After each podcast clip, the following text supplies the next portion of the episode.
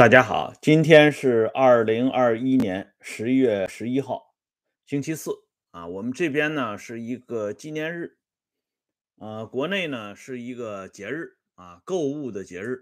那么在今天啊，我们来讲一期跟时事有关系的话题。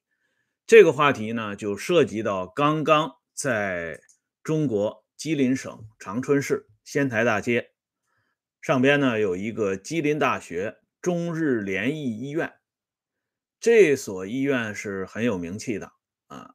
我为什么知道这家医院呢？因为当年啊，我写专栏的时候，有一次我们大家在一起聊天说起这个伪满洲国的皇宫的布局啊。这个时候呢，有一位网友说的非常详细啊，我们就问他：“你为什么了解的这么清楚？”他说：“他就在吉林大学中日联谊医院。”上班，而他上班的这个地方距离这个伪满洲国皇宫的这个博物院很近啊，这个地方他经常去，所以他对里边的一些情况了如指掌。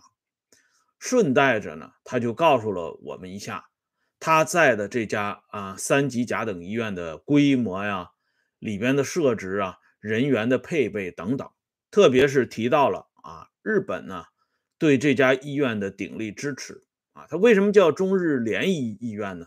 就是因为一九九三年的时候，日本方面专门出资大概是二十六亿日元啊，购买了大量的先进的医疗设备啊，给这个呃这家医院，哎，所以这家医院的起步和起点都是非常高的。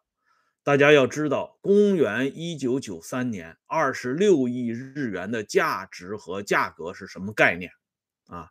这是在当时折合人民币是一个多亿，而那个时候吉林省长春市老百姓普通人的平均工资也不过是一百来块钱啊，因此这家医院当年的情景是可以想见的。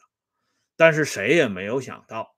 就在这么一个设备非常先进啊，这个国家重点扶植的这个大医院里边，这两天却发生了一个大家都不愿意看见的惨案。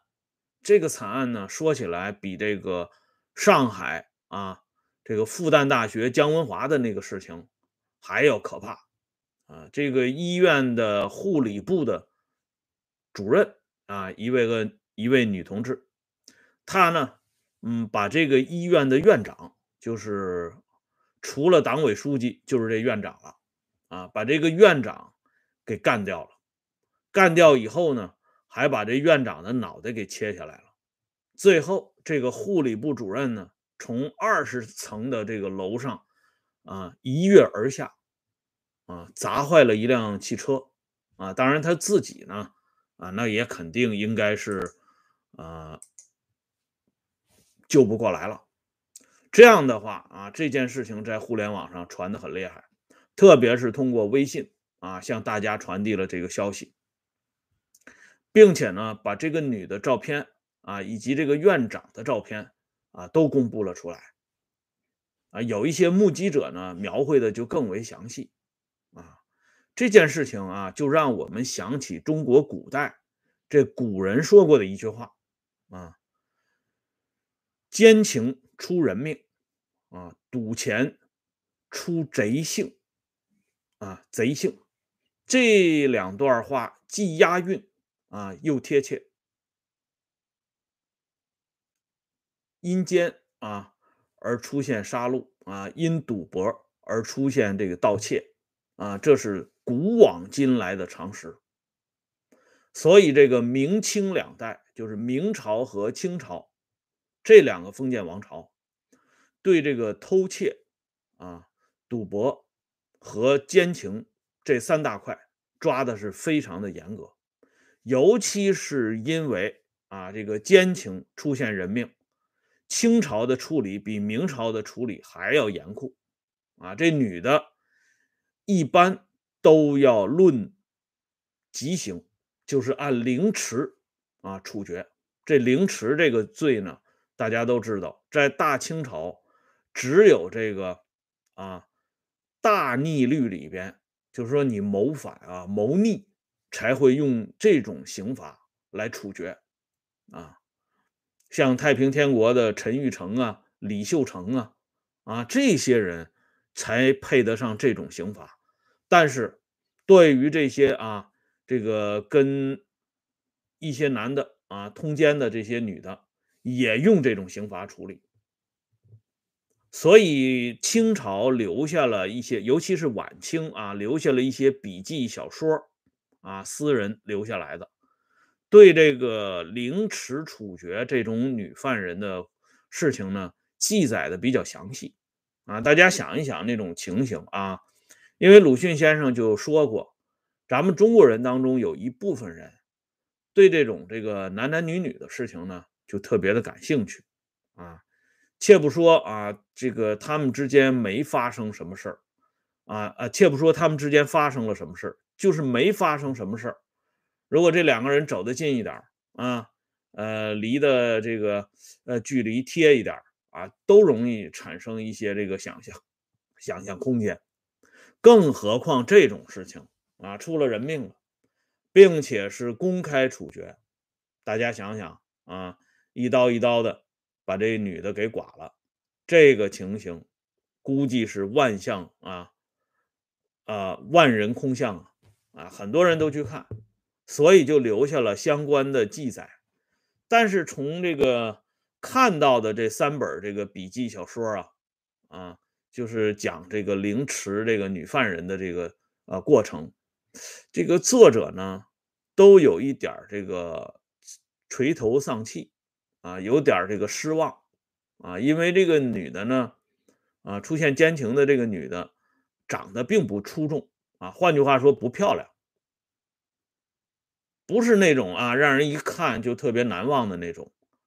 所以这些挤到前面观看的，或者是占据了居高点观看的这些人呢，呃，这个观看之余，这个读后感、观后感写的都是平淡无奇。啊，引起不了大家更强烈的关注。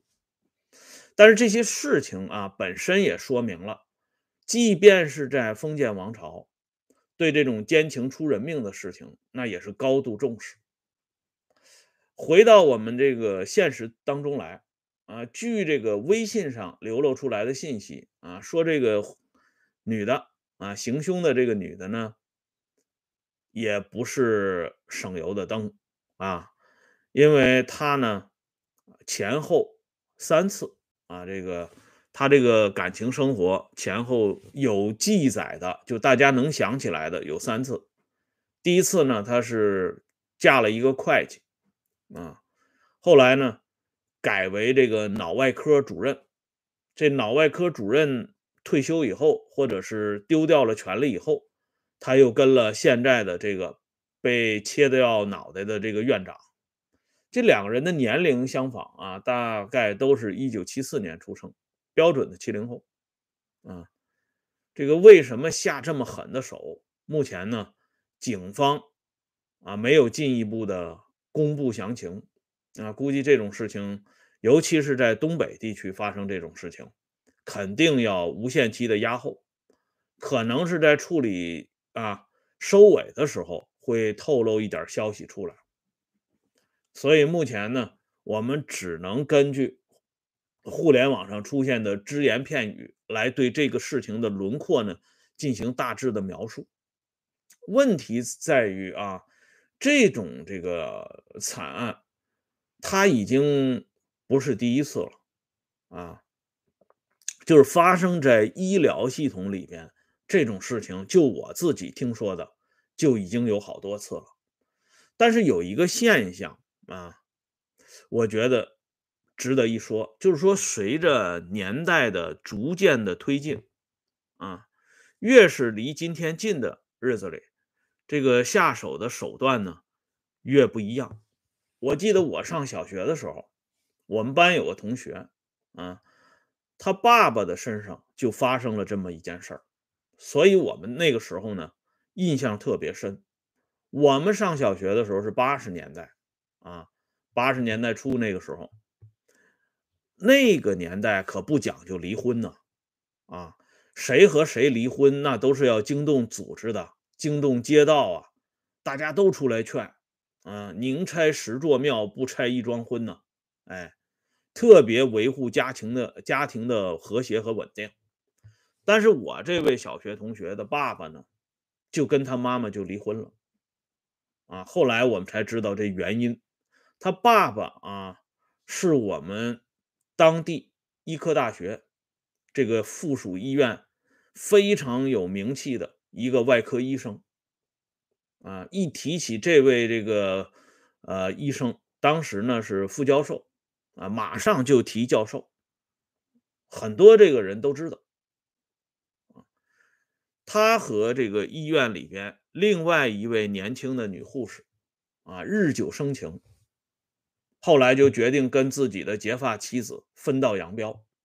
事情就这么简单，啊，他妻子呢，呃，也是我们学校的老师，所以这件事儿啊，在学校里闹得沸沸扬扬。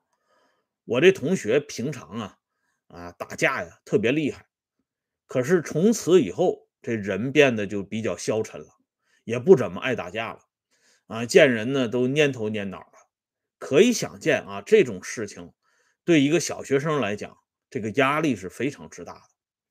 但是这件事呢，最后啊是和平处理的，虽然闹得很厉害，但是双方也算是买卖不成仁义债，啊，大家就正常分手了。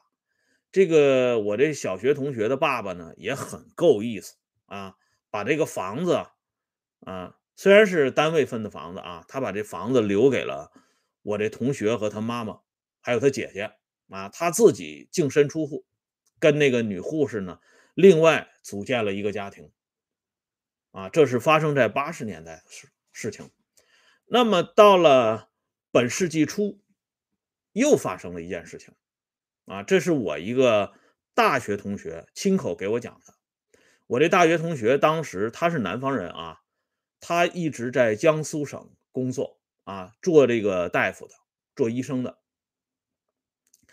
呃，当然了，他不是那种啊正八经的那种医生，他是在这个江苏省啊一家非常有名的大医院里这个医务处做医务行政工作。啊，呃，本世纪初，他有一次这个。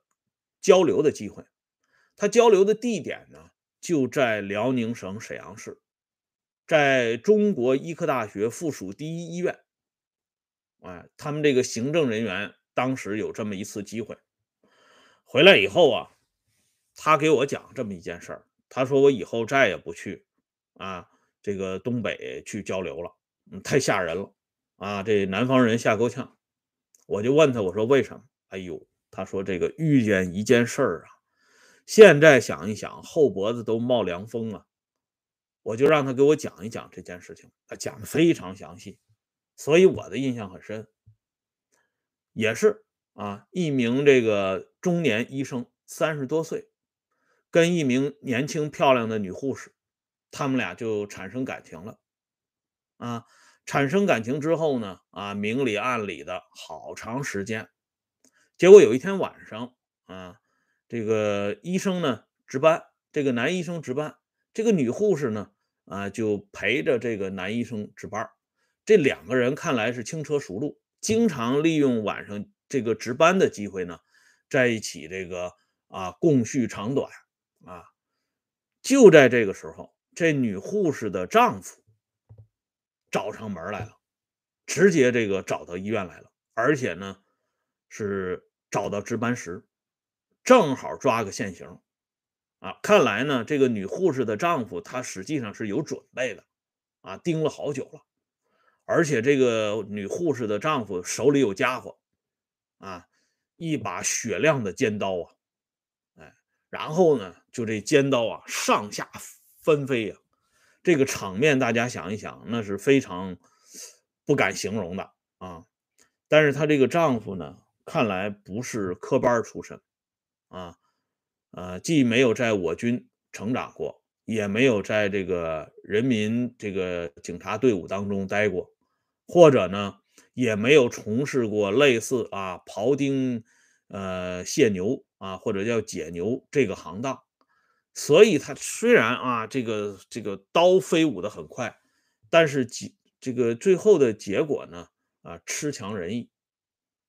嗯，就是双方就是受伤了，哎，没有出人命，就是这个她这个丈夫到最后喋喋不休的表示不满意，啊，因为他可能是下想下狠手，啊，但是没成功，所以我这同学就给我讲这件事儿，讲的就是他自己就说他特别受刺激啊，他说以后再往这东北去的这个机会，我都让给其他的同事。哎，我就不去了。哎，他说在我们江苏啊，他说这个这个事儿很少，一般就是打一顿啊，就是打的鼻青脸肿的啊，大家就劝开了就完事儿了。他说这些动刀子，这个真是啊，特别吓人。这是本世纪初发生的一件事儿，但是没有出人命啊。啊，最后是怎么了结的，我也不清楚。可是现在呢，啊，过去差不多。有有二十年了，啊，这个变化确实不一样了。这次啊，一下子两条人命，啊，再加上那汽车，嗯，所以这次我们一看啊，确实是给人以触目惊心的感觉，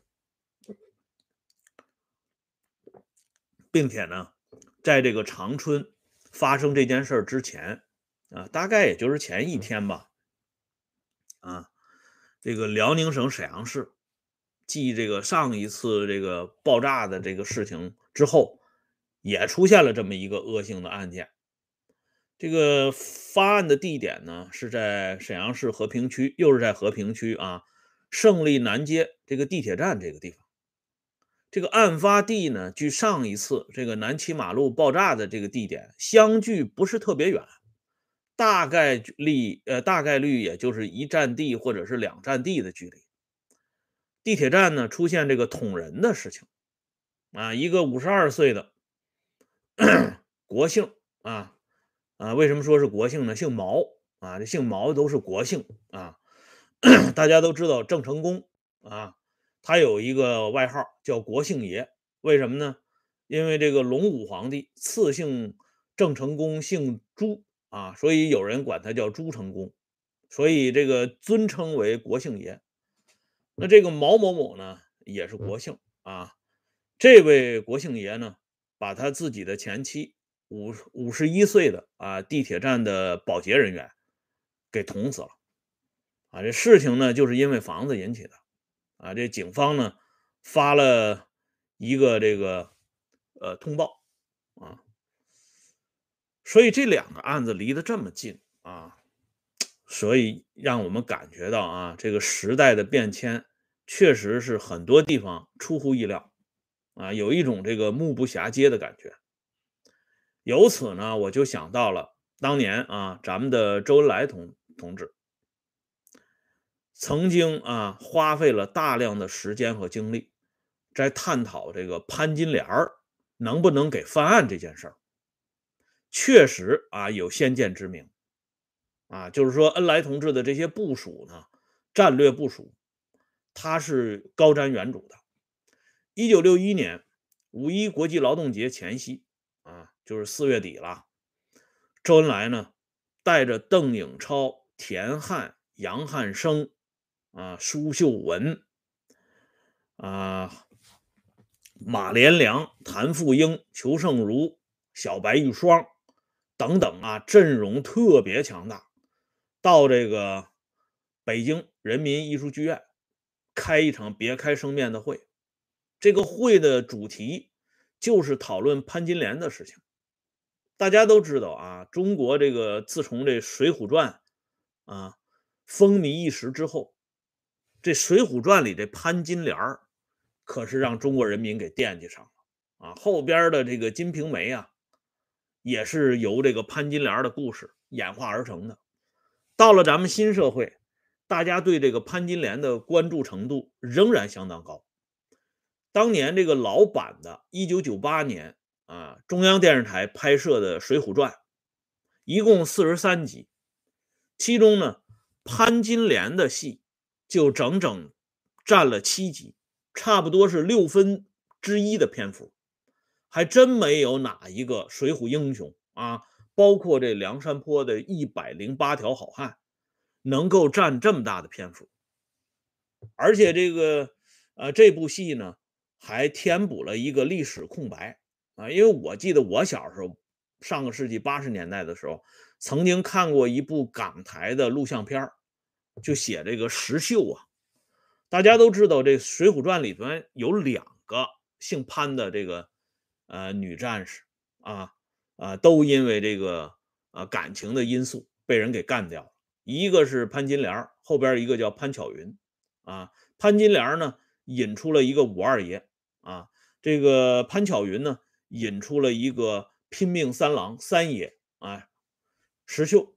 我们小时候八十年代那个时候有一部港台的录像片那时候讲究看录像啊，这个片呢片名我可记不得了，但是讲的就是石秀呢杀这个潘晓云这件事儿，里边有个镜头我我印象特别深啊，为什么深呢？我给大家简单说一下啊，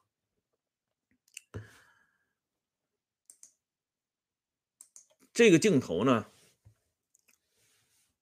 在当时啊，应该说是影响比较大的。啊，这个整个的这个布局啊，就是潘巧云要沐浴了啊，要洗澡了。这时候大家想想啊，整个这个剧场的气氛相当凝重啊，哎，非常凝重。那么主人公石秀呢，就在这个时候出场了。啊，这女主人公潘巧云呢，这个也出场了。这洗澡水，呃，洗澡水水啊，这也准备好了。啊，这大戏啊就要上演了。啊，究竟怎么上演的呢？啊，大家容我一点时间啊，我也这个这个平复一下情绪啊，休息十分钟，回来呢再给大家讲这个潘巧云洗澡这件事情，以及周恩来同志。对潘金莲的这种关注啊，十分钟不是卖关子啊。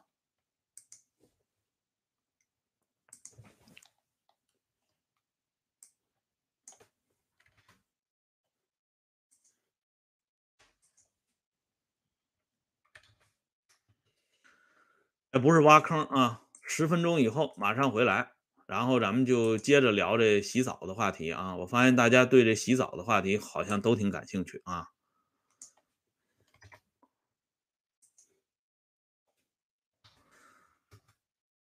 哎呀，不瞒大家说呀，我们那时候虽然小啊，可是对洗澡的这个话题也挺感兴趣的啊。所以啊，这个差不多啊，这几十年的这个变迁。也没什么太大的这个改变啊。鲁迅先生要是在的话，看见我们这么不争气啊，肯定要批评我们。但是没办法，咱们都是凡夫俗子啊，跟鲁迅先生不能比，我们骨头也没那么硬啊。好了一会儿回来聊啊，嗯，对，省略若干字啊，一会儿这个把这方方框啊，这个废都里的方块，咱们都给它填上。